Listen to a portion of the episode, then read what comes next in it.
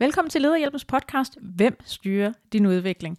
Jeg sidder her i dag med Ane Jersborg. Mit navn er Gita Maja Laguarte, og øh, i dag der har vi skænket en god kop te for en gang skyld i kopperne, og vi skal tale om udvikling, hvordan du får lavet en udviklingsplan, men også hvordan du lige kommer bag om din udviklingsplan og finder ud af, jamen, hvorfor vil du egentlig udvikles, og hvad kan du opnå ved at arbejde lidt mere målrettet med din egen udvikling.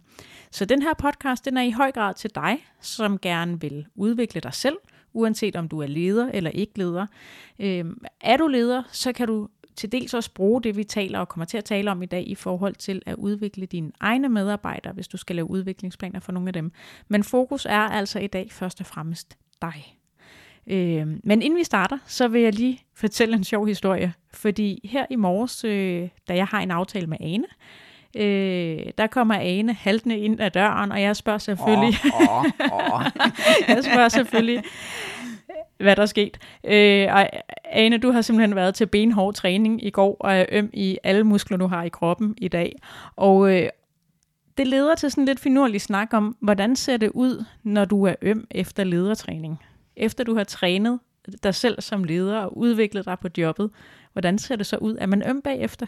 Ja, det, var, det, var sådan lidt, det blev lidt filosofisk, ikke? Fordi man er jo ikke i tvivl om, hvis man har været nede og lavet en masse stræk og bøj, eller løftet en masse tungt, at så ved man godt, at når man vågner dagen efter, så sidder mælkesyren i kroppen. Men hvor sidder mælkesyren egentlig henne, når man ledertræner?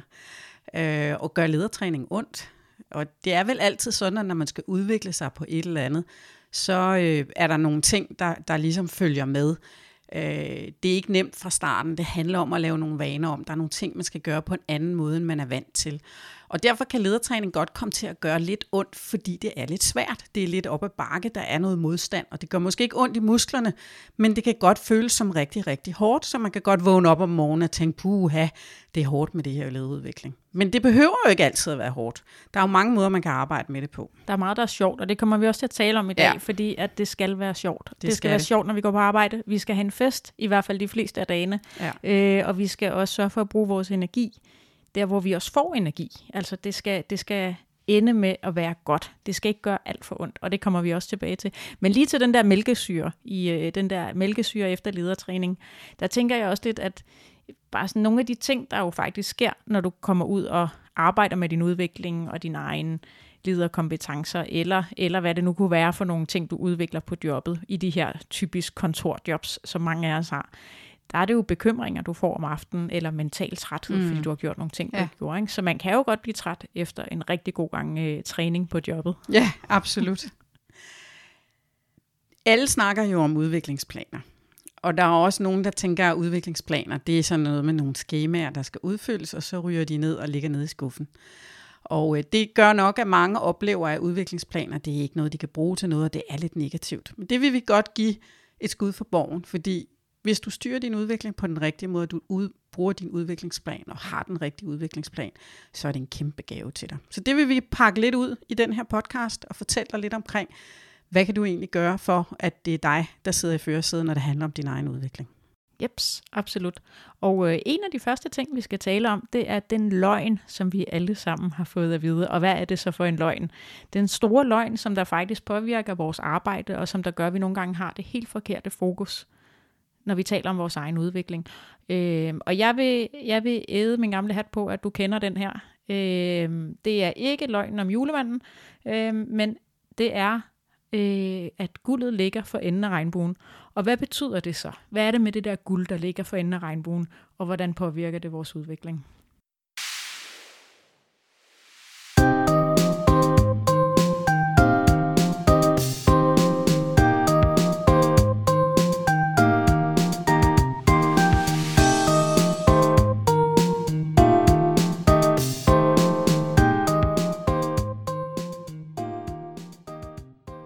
Når vi siger, at guldet ligger for enden af regnbuen, så er der jo sådan en illusion om, at vi følger regnbuen der, hvor den rammer jorden, og så ligger der en stor spand guld. Og når man så kommer hen for enden af regnbuen, så er den sjovt nok altid rykket sig.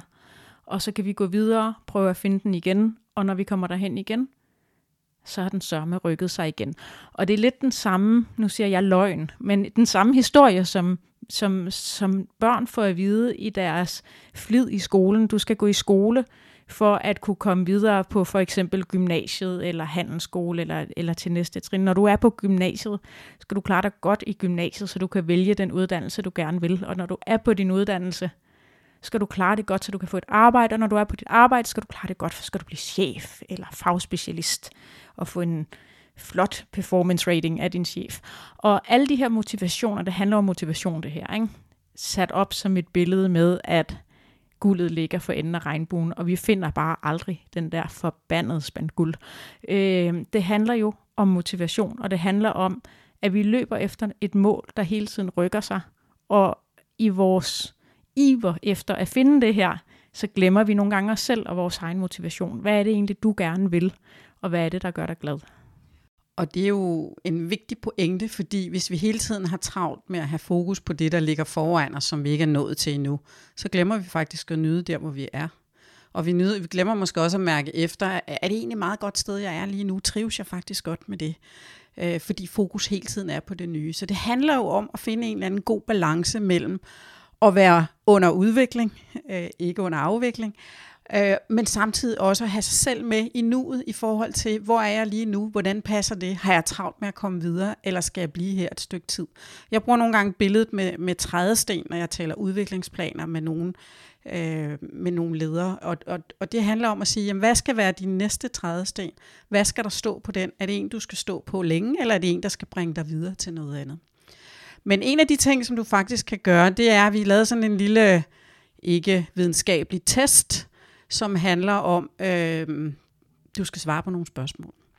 Så hvis du har mulighed for lige at gribe et øh, stykke papir øh, eller en telefon, du kan skrive på, så, øh, så prøv lige at gøre dig nogle tanker om, hvilke spørgsmål eller hvilke svar du vil kunne have på de her spørgsmål. Og det handler jo først og fremmest om, at du skal finde ud af, hvorfor er det overhovedet, du skal udvikles? Hvad skal du med en udviklingsplan? Fordi hvis ikke du ved det, så ved du faktisk heller ikke, om du har styr på din udvikling, og du ved heller ikke, om du har en plan, der rent faktisk passer til dig. Og der er vi lidt tilbage til regnbuen igen. Ikke? Hvad er det for en spand guld, du leder efter her?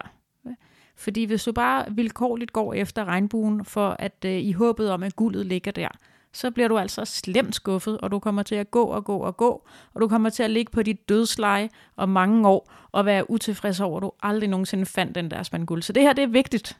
Ja, og så er jo også den der med guldet, at for nogen er det guldet, der er motivationen. Men hvis du ikke er en af dem, der motiverer sig guld, men motiverer sig noget helt andet, så er det måske også noget andet, du skal lede efter, end guldet for enden af regnbuen. Ja, ikke? og jeg tænker også faktisk lidt guld her i overført betydning. Selvfølgelig. Derhen, at selvfølgelig guld kan være penge, og vi kommer tilbage til Joachim Fernand senere i den her podcast. Mm. øh, men, men det kan jo også være andre ting. Altså du kan godt løbe efter det næste job, eller løbe efter de høje karakterer, eller løbe efter øh, en eller anden titel, eller få udgivet en bog. Men hvis ikke du er glad i processen, mm. så bliver det en meget, meget lang rejse, og du bliver sikkert skuffet, øh, hvis og når du lykkes i det. Så det her med at stoppe op og lige mærke efter, hvad er din motivation, hvad er det for nogle ting, som du glæder dig over, hvis du sidder i et job, hvor du er utilfreds, hvad er det så, der gør det? Øh, og det kommer vi også til at tale lidt om i det her med øh, de testspørgsmål, du kan stille dig selv. Det kan også være noget med, øh, for det første, hvad er din motivation, men også, hvor er du henne i dag? Sidder du i det rigtige job? Det er ikke altid at udvikling af udvikling til næste stilling. Det kan lige så vel være udvikling i det job, som du sidder i i dag. Jeg kommer sådan til at tænke på naboens græs, når du fortæller det på den måde. Ikke? At, at det her med at have fokus på, om naboens græs er grønnere, så glemmer man nogle gange at kigge på sin egen græsplæne. Øhm, det næste spørgsmål, som du skal forholde dig til, det er, hvad er det vigtigste for dig for at være motiveret i dit job? Og så prøv at matche det op med det job, du har. Hvordan hænger de to ting sammen? Er der et godt match, eller passer det slet ikke sammen?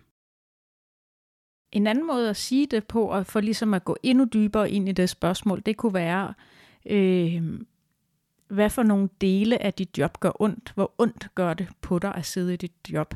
Og der vil være, der, der kan det være nogle af jer, det kan være, at du måske siger, det gør ikke ondt, jeg har og her det... snakker vi ikke om træningsømhed. Er vi ikke enige om vi det? Taler ikke om, vi taler om mental træthed. Ja, øh, eller der, hvor man har trænet forkert, ikke? Ja, så eller, man får skader. Eller stress, ja. eller udbrændthed, eller øh, nogle af de ting, som vi også hører, det er utilstrækkelighed. Ma- utilstrækkelighed, mm. matrixorganisationer, der ikke fungerer. Der er også øh, rigtig mange, som der nævner dårlig ledelse, som en frustration på mm. arbejdet. Men, men gør dit nuværende job ondt på dig. Fordi hvis dit nuværende job gør ondt på dig, så skal du måske starte med at kigge der, i stedet for at øh, tænke, jeg skal have et nyt stort job. Så prøv lige at kigge indad der, hvor du sidder. Sidder du det rigtige sted? Det kan være, at du skal i så fald i hvert fald begynde at fokusere på at udvikle dig i dit job og finde ud af, hvad er det for nogle ting, der skal på plads, for du begynder at trives i dit job. Øh, og det vil sige, at dit udviklingsfokus, det bliver enormt centreret omkring der, hvor du er nu. Men det kan også være, hvis det gør rigtig ondt, der hvor du sidder, at øh, svaret for dig måske er, at du sidder i det forkerte job, og du skal videre til noget andet. Det er faktisk meget, meget vigtigt at, at, at lave den analyse. Øh, noget, som du også skal skrive på dit papir, hvis du, du sidder med det, det er, øh, hvorfor har du det job, du har? Er det noget, der er drevet af din egen motivation, eller er det fordi, der er nogle forventninger omkring dig? Er du måske blevet skubbet ind i det af nogen, som ville dig det godt, eller tænkte, du var det, den rette til jobbet? Men uden at du måske nødvendigvis selv fik mærket efter, om det nu også lige var det, du skulle. Og det er der, vi nogle gange ser, at man kan ende på en stol, som måske ikke passer så godt, og som måske ikke er den rigtige for dig at sidde på. Øh, så det er faktisk ret vigtigt, at du lige reflekterer over og siger, sidder du på den stol, fordi det er din egen drivkraft og motivation, eller er det nogle andre ting, det handler om? Mm. Og det er jo i den grad noget, jeg også har oplevet, at blive udsat for et pres for, at andre mennesker tror, at jeg er motiveret af det, de er motiveret af. Eller sagt fra mit eget ståsted, jeg antager, at andre mennesker er motiveret af samme ting, som jeg er motiveret af, og derfor øh, så tror jeg, at folk vil gå samme karrierevej mm. som mig. Og derfor så ender man nogle gange måske i at blive smiret over for tilbudt et job, som faktisk ikke er det rigtige, men som er et rigtig fint job. Ja. Øh, og på den måde, så kan du jo ende op i et job på grund af andres forventninger eller andres ambitioner på dine vegne, som faktisk måske ikke rigtig matcher det, du gerne vil. Vi ser det jo desværre en gang imellem i talentprogrammer, hvor nogen bliver udnævnt til at være fremtidens stjerner og store talenter, og som faktisk når at, at løbe sur i det, inden de når dertil, fordi det er nogle andre, der har ambitioner på deres vegne. Så det er vigtigt, at du faktisk forstår, hvad det er, der motiverer dig til at sidde i dit nuværende job, og også om det job passer til dig. Mm. Så hvis du er et sted, hvor du tænker, at skoen presser lidt i dit nuværende job, det er, øh, det er hårdt at gå på arbejde, så, så er første, første trin her, det er ligesom at finde ud af, skal du, skal du satse din energi på at få dit nuværende job til at spille, eller skal du faktisk have et andet job? Og øh, skal du satse din energi på at få det til at spille, så skal du ligesom lidt nærmere i at sige, okay, jamen, hvad for nogle ting kan vi ændre? Hvad kan du ændre på? Hvad kan du arbejde med for at få tingene til at fungere bedre? Og så er det den vej, du skal kigge. Men der kan jo også være den situation, hvor at øh, du trives i dit job, du overperformer, du har haft det i mange år, og du vil simpelthen bare gerne have nogle flere udfordringer. Og så kommer din udviklingsplan nok til at se lidt anderledes ud. Jeg havde på et tidspunkt en, øh, en leder i min organisation, som havde siddet i sit job i ganske mange år og var super god til det. Øh, og klarede det øh, altså over, over målet, om man så må sige, men som simpelthen manglede udfordringer. Og hun kom til mig i forbindelse med sin udviklingssamtale og sagde, jeg har simpelthen brug for noget mere at rive i. Øhm, hun blev testet af på nogle sådan projekter og lidt tværgående opgaver og sådan nogle ting. Og så lavede vi simpelthen det, som jeg egentlig vil kalde en afviklingsplan for hende. Øh, og det var i virkeligheden en udviklingsplan, som handlede om, hvordan kunne vi udvikle hende i fællesskab videre til det næste job, som kunne give hende nogle af de udfordringer, der passede dertil, hvor hun var, og det, som hun gerne ville følge sit job med fylde, fylde sit jobliv med. Mm. Nu står jeg her og vrøvler. og det er faktisk en rigtig vigtig pointe, at øh, tag snakken med din chef omkring det her med det næste karriereskridt. Og vi ved godt, at det kan være lettere sagt end gjort. Det er ikke sikkert, at du har en relation til din chef, der gør, at du kan gøre det åbent. Men hvis du har muligheden, så prøv at udfordre dig selv på at tage den samtale. Mm.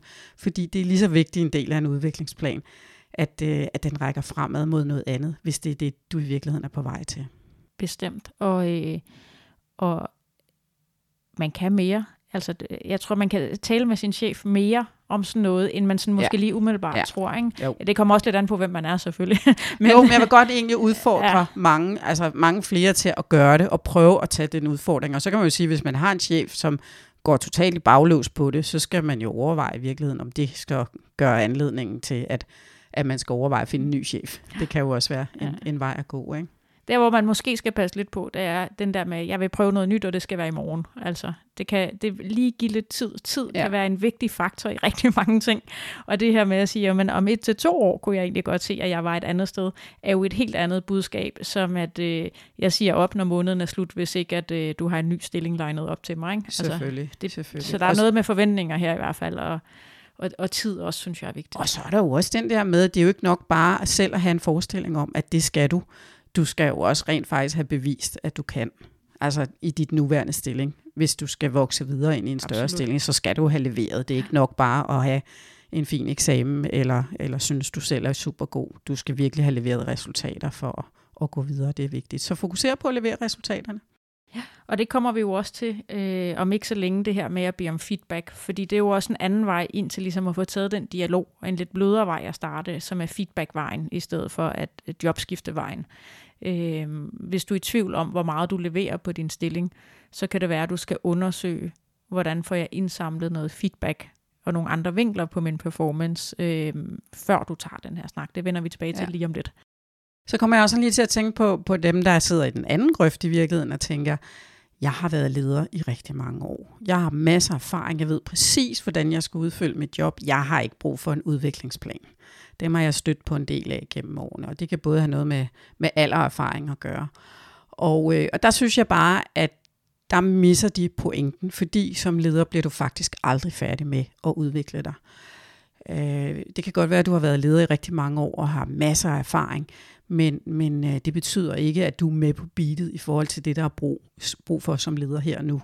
En af de ting, som den udfordring, en udfordring, jeg gav mig selv øh, som erfaren leder, det var at blive mentor i regi af Djøf, øh, talentmentorprogram, hvor jeg var mentor for unge nyuddannede. Øh, og øh, udover at jeg selvfølgelig gerne vil, ville hjælpe dem, så var jeg også motiveret af, at de var jo fremtidens medarbejdere for mig. Det var dem, jeg skulle være leder for, eller nogen i min organisation skulle være leder for. Så for mig var det jo en måde at lære og forstå, hvordan tænker de, øh, hvad er vigtigt for dem, hvad motiverer de i deres job. Så det fik jeg jo rigtig meget udvikling af den anden vej, fordi jeg fik en forståelse og en indsigt i, hvad tænker nogen, der var en hel generation yngre end mig, i forhold til, til deres fremtidige jobliv. Så man bliver aldrig færdig med at udvikle sig som leder. Og lige præcis det der med øh, mentor setup og det at være mentor, det er jo i øvrigt en ting, som der udvikler super meget. Altså jeg har da fået sindssygt meget personlig udvikling af at være mentor og coach ja. for nogle ledere, fordi du får så mange nye vinkler på ting, som du bliver tvunget til at se og tvunget til at mærke og tvunget til at forholde dig til. Øhm, så, så det er, øhm, det er helt sikkert en vej både at få en mentor, øh, men også at blive mentor afhængig af, hvor du er i, øh, i dit jobliv og det kunne sagtens være noget, der står på din udviklingsplan, det er, at du skal være mentor for en anden, fordi det er lige så lærerigt for dig, som for den, du er mentor for. Mm. Der har vi jo podcasten øh, Find en mentor. Find en mentor, ja. Få opskriften på, hvordan du finder en mentor. Den ja. kan du i virkeligheden bruge den anden vej rundt, hvis du er i en situation, hvor du tænker, at nu er du klar til at blive mentor for nogen.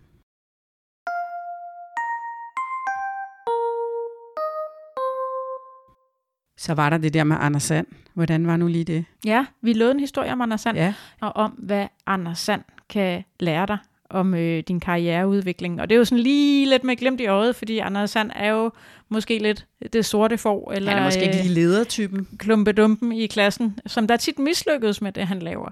Men, øh, men øh, for nu også at øh, bare lave lidt fis og ballade, og gøre det lidt, lidt mere lejende let end så tungt det her med udvikling, så kommer vi lige til at tale lidt om Anders Sand, om øh, Georg Gierløs og om Mickey Mouse, og til sidst om Joachim Fernand, og, og så kan du prøve at spejle dig selv lidt i, hvad for en af dem, du matcher bedst op imod, øh, og, og hvad det så betyder i forhold til, hvordan du skal målrette og fokusere din udvikling, din udviklingsplan, øh, og dit, dit energi i forhold til måske at rykke dig på nogle ting på jobbet.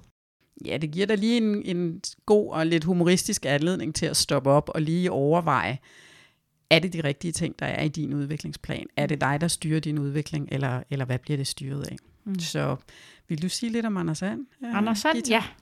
Anders Sand, hvad er han for en størrelse? Anders Sand, han øh, er fuld af energi, fuld af fart. Han er super dedikeret, men han mislykkedes også rigtig tit. Han kommer altid galt afsted.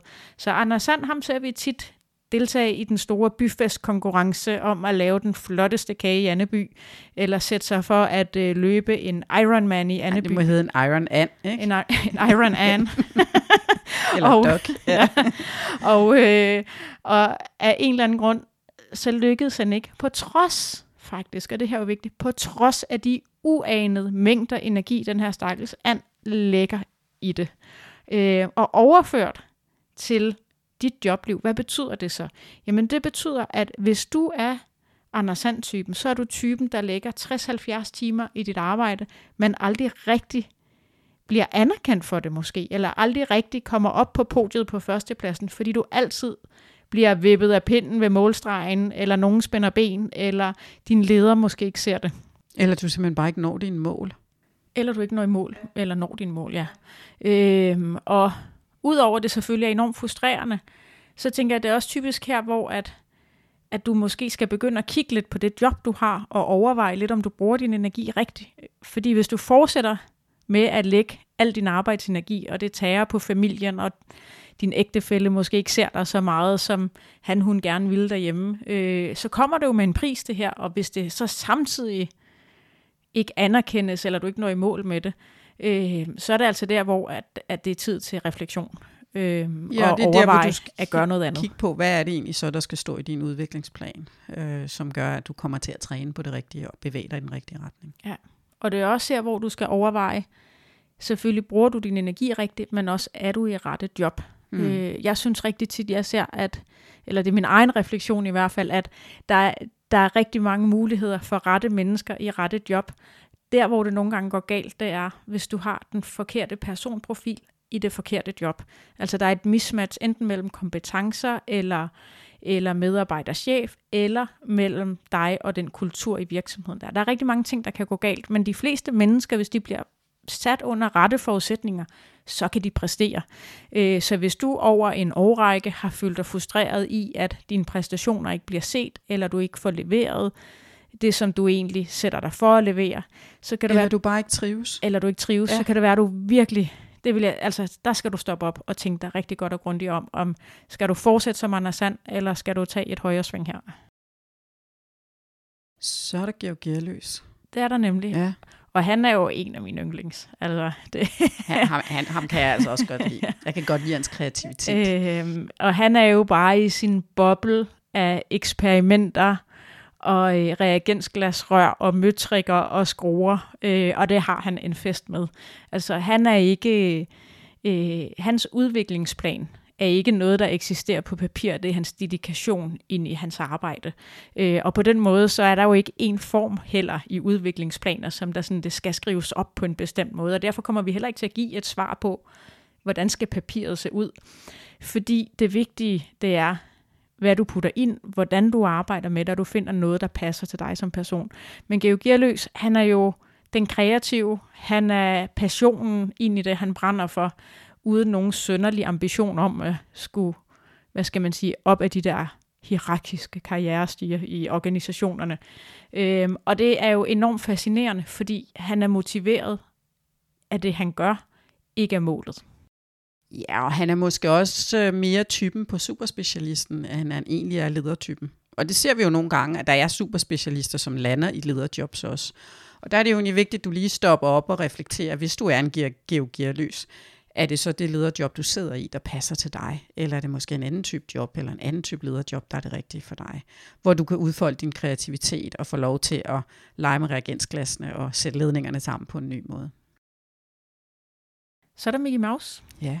Og Mickey Mouse, han er jo... Øh, altså, der er jo ikke nogen af de her karakterer, vi tager frem, som er sådan ledere for nogen. Det er tegneseriefigurer, ja. men de har hver deres træk. Og Mickey Mouse, han er jo, han er jo ham, der tit lykkes, faktisk. Ja. Og han, han er, er også nogle gange den, der organiserer, ikke? Og det er han. Ja. Og han er nok også en af dem med sådan, vil jeg sige, de bedste interpersonelle skills. Ja. er ikke sikker på, at Walt Disney havde brugt samme frase i hans øh, beskrivelse af karakteren.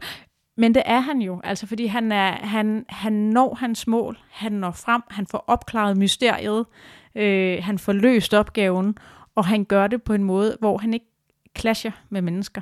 Altså, han, han har den her naturlige Øh, Han har en rummelighed. rummelighed ja. for andre karakterer. Ja. Han, går, han taler godt med de fleste andre karakterer. Det er ikke ham, der clincher med nogen. Øh, Jeg kommer sådan til at tænke på, for nylig her, jeg så en øh, sådan en lille pixibog med Mickey Mouse, der skulle på fisketur sammen med Fedtmule og Anders Sand. du Og har, der havde du han har passet børnebørn. lige præcis. Og der havde han nemlig den der rolle med at skulle sørge for, at madpakken den nu også var pakket, og bilen var pakket, og de kørte det rigtige sted hen, og at fiskegradet var med, og så videre. Den der sådan meget, som man på mange måder også ser, at lederen har den der faciliterende rolle, som får ting til at ske. Det var ikke nødvendigvis ham, der fangede fiskene, men han skabte rammerne for, at det rent faktisk var muligt for Fedtmule og Anders Sand at fange nogle fisk. Og der kom mad på bordet. Og der kom mad på bordet til, i frokostkurven også. Ikke? Ja. Ja. Øhm, interessant karakter, Ja. øh, og, og synes jeg jo en karakter, der har masser af potentiale. Altså, jeg tænker, Mickey Mouse, han, han, han kunne nemt overbevise andre om, at han skulle lande et lederjob. Øh, om han så ved det eller ej, det skal han selv finde ud af. Den sidste, vi har med, det er Joachim Fernand. Øh, og Ham må vi jo nødvendigvis have med. ham må vi Ja. have med, ikke? Og øh, apropos guld, så, så ikke bare løber han efter guldet, han bader i guldet. Der er hovedspring i pengetanken, øh, og det klirer af guld. Øh, og han sidder med alle sine telefoner og investeringer. Øh, og penge er jo en motivation. Og for nogen er det måske en meget, meget stor motivation, men det er også svært lige at have radaren og antennerne ude her, fordi er det den her øh, spand med guld for enden af regnbuen, man hele tiden løber efter, der bare kun kan blive større og større, øh, så skal du måske stille dig selv, gå tilbage til din motivation og finde ud af, er det lønforhøjelsen, du løber efter, eller hvor finder du egentlig din motivation? Øh, fordi det er, løn er godt og rart, men det er ikke det, som der kommer til at bære din arbejdsglæde resten af livet. Vigtig pointe. Så prøv lige at kigge på de der øh, fire øh, figurer her, og øh, der er nok ikke nogen af dem, der matcher dig helt, men det kan godt være, at du har nogle af karaktertrækkene. Det vigtige, vigtige er i virkeligheden, at du forstår, hvad det er for nogle karaktertræk, du har med, og hvad det er, øh, der fungerer for dig, fordi det er det, du skal tage med ind, øh, når du tænker din egen udvikling. Og det er også det, der gør, at du får mulighed for at få styr på din udvikling. Mm. Og for at vende lidt tilbage til det her, hvordan du finder dine udviklingspunkter, så er det vigtigt, eller der er det jo, det bliver vigtigt at gå ind og se på din motivation og finde ud af, hvor er du henne i dag, hvor er dit ståsted i dag, hvad er din, hvad er din nuværende trædesten, hvad er din næste trædesten. Fordi kun i din forståelse af det, kan du få defineret de rigtige ting at arbejde med i din udvikling. Hvis du, hvis du bare tager det første, der rammer øh, dit hoved, øh, og tænker, det skal udvikle, eller det gør andre, så det er sikkert rigtigt, så ender du måske med at bruge din energi forkert. Og det er vel også her, vi lige skal aflive den der myte, der handler om, at en udviklingsplan, det handler om, hvad for nogle kurser man skal på. Ja, Fordi den støder vi altså relativt tit på, at, at øh, enten nogen, der møder op til en udviklingssamtale, eller lederen, der sidder til udviklingssamtalen og siger, Nå, hvad for nogle kurser skal du på til næste mm. år? Skal du på Excel, eller skal du på forhandlingsteknik, eller hvad skal du? GDPR, det er jo det sidste Uh, nye. ikke? GDPR. Ja. Don't mention the war. Uh, og det kan godt være, at du skal på nogle kurser, men det har ikke noget som helst med din udviklingsplan at gøre. Det er bare nogle, nogle kompetencer, du skal lære, men det er ikke noget, du nødvendigvis udvikler dig af som sådan. Du lærer noget ny viden, øh, men, men det er ikke det, der er øh, hjørnestenen i din udviklingsplan. Det er elementer i din udviklingsplan. Og hvis, altså, det kan jo være, kurser kan jo være det rigtige for nogen, hvis du skal opkvalificeres, eller hvis du skal have et nyt ansvarsområde, du skal lære noget om. Øh, Selvfølgelig. selvfølgelig har kurser øh, sin berettigelse. Ja. Øh, men hvis du sidder et sted, hvor du tænker, at du keder dig på jobbet, du vil udvikle dig til noget mere, og så sidder med kursuskataloget øh, og prøver at lade dig inspirere, der vil jeg sige, prøv lige at træde et skridt tilbage, og så begynde at kigge lidt mere ind i din motivation, dit ståsted. Øh, overvej at få en, øh, en coach i stedet for, eller, eller ligesom sige, hvis du endelig har et budget til noget kursus, så brug det på noget, der kan løfte dig videre, fordi når kurset, det starter, det kører, og så sandsynlighed, med stor sandsynlighed falder du tilbage i samme rille øh, i forhold til den frustration, du måske har haft oprindeligt, hvis ikke du er glad for dit nuværende job.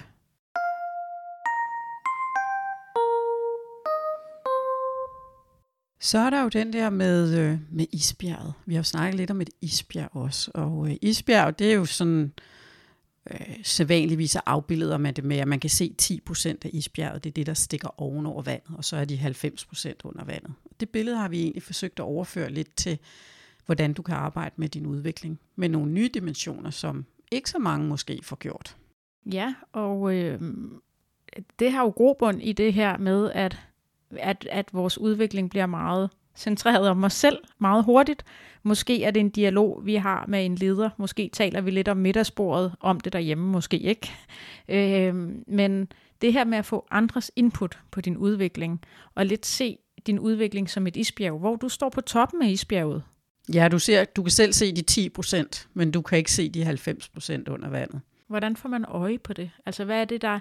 Fordi de 10 procent er det, du selv ser, men, men alt det, der ligger under vandet, alt det, som der ligger i andre menneskers hoveder, i den interaktion, du har i med kunder og på dit job, og hvad det nu kunne være. Øh, får du den med, når du tænker din egen udvikling, eller tager du kun udgangspunkt i, i dit, dit eget perspektiv? Og her vil du måske tænke, jeg skal have lavet en 360 graders måling. Det er jo et meget velkendt værktøj, hvor øh, du selv svarer på en lang række spørgsmål. Øh, din nærmeste leder gør, dine kollegaer, dine medarbejdere, dine samarbejdspartnere, og så får du en fin rapport, hvor du får nogle skalaer og nogle point, hvor du ligger henne øh, på alle de her spørgsmål, du har svaret på. Og det kan være et godt værktøj til rigtig mange ting, men det kan stille lige så mange spørgsmål, som det kan give dig svar.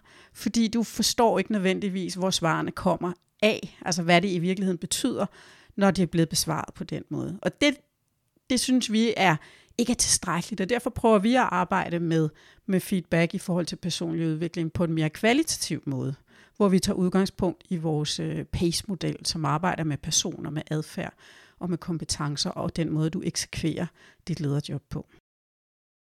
360 graders undersøgelser, altså det er et godt værktøj, det synes jeg faktisk. Absolut. Og er det noget, som din HR-partner har i værktøjskassen? Det er nogle virksomheder, der har. Tag imod det, det.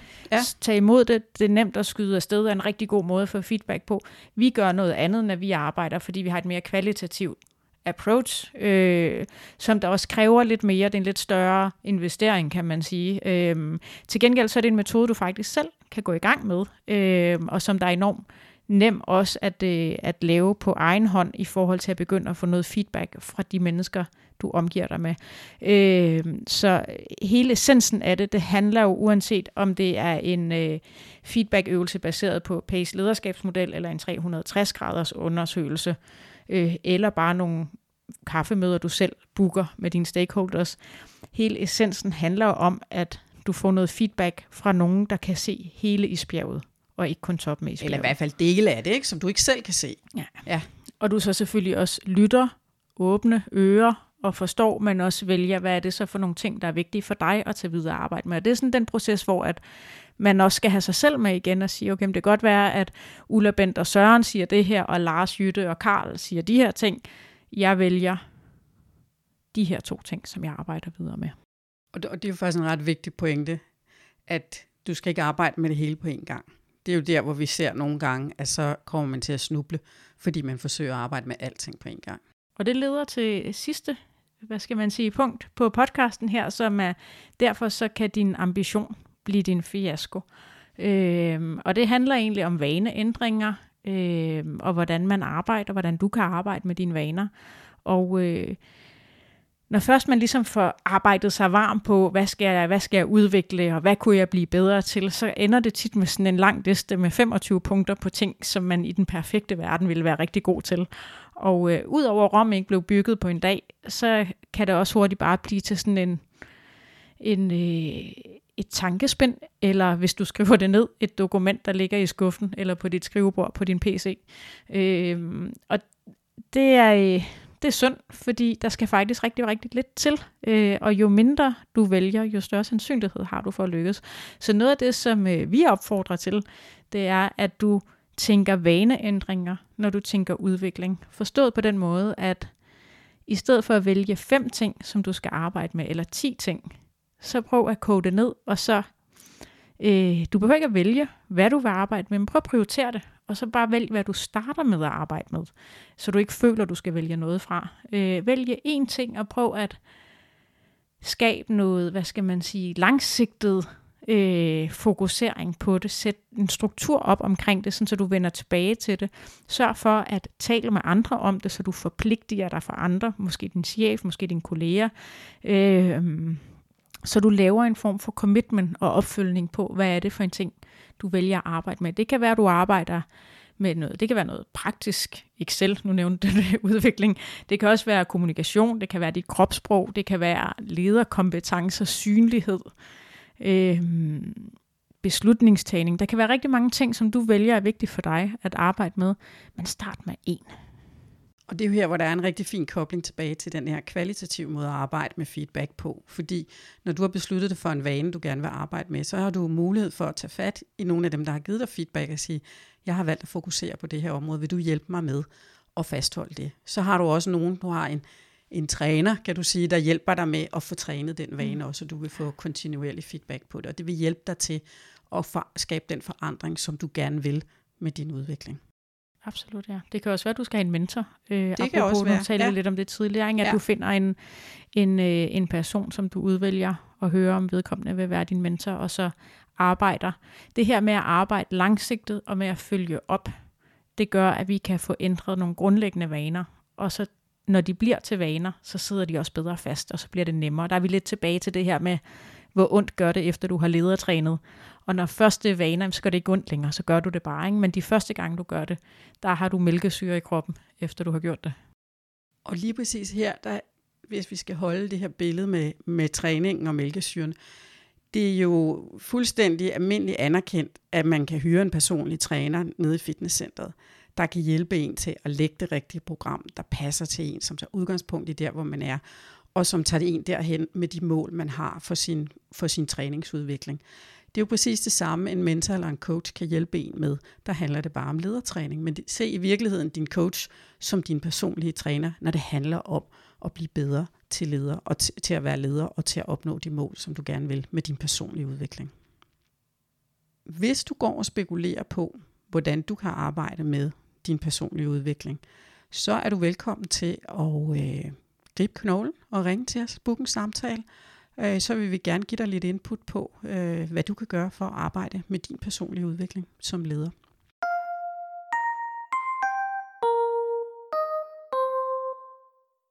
Det du har hørt om i den her podcast, det har handlet om, hvordan du får styr på din egen udvikling. Det handler om, at du skal have styr på den. Det handler om, at det skal ikke være en støvet plan, der ender i en skuffe og aldrig bliver brugt. Du skal forstå, hvad det er, der motiverer dig til din udvikling. Du skal forstå, hvordan din udvikling passer til der, hvor du er i dit jobliv lige nu. Du skal finde ud af, hvilken karakter af Mickey Mouse, Anders Sand, Georg Gerløs eller Joachim Mann har måske noget, du kan lære af. Øh, og du skal også forstå, hvordan du kan arbejde med vaner. Det her med at tage et lille skridt ad gangen i forhold til at forstå, hvad det er, der skaber den forandring, du gerne vil have. Og sidst men ikke mindst, hvordan du kan fokusere på at bruge feedback fra andre til at forstå den del af isbjerget, som du ikke kan se, det der er under vandet.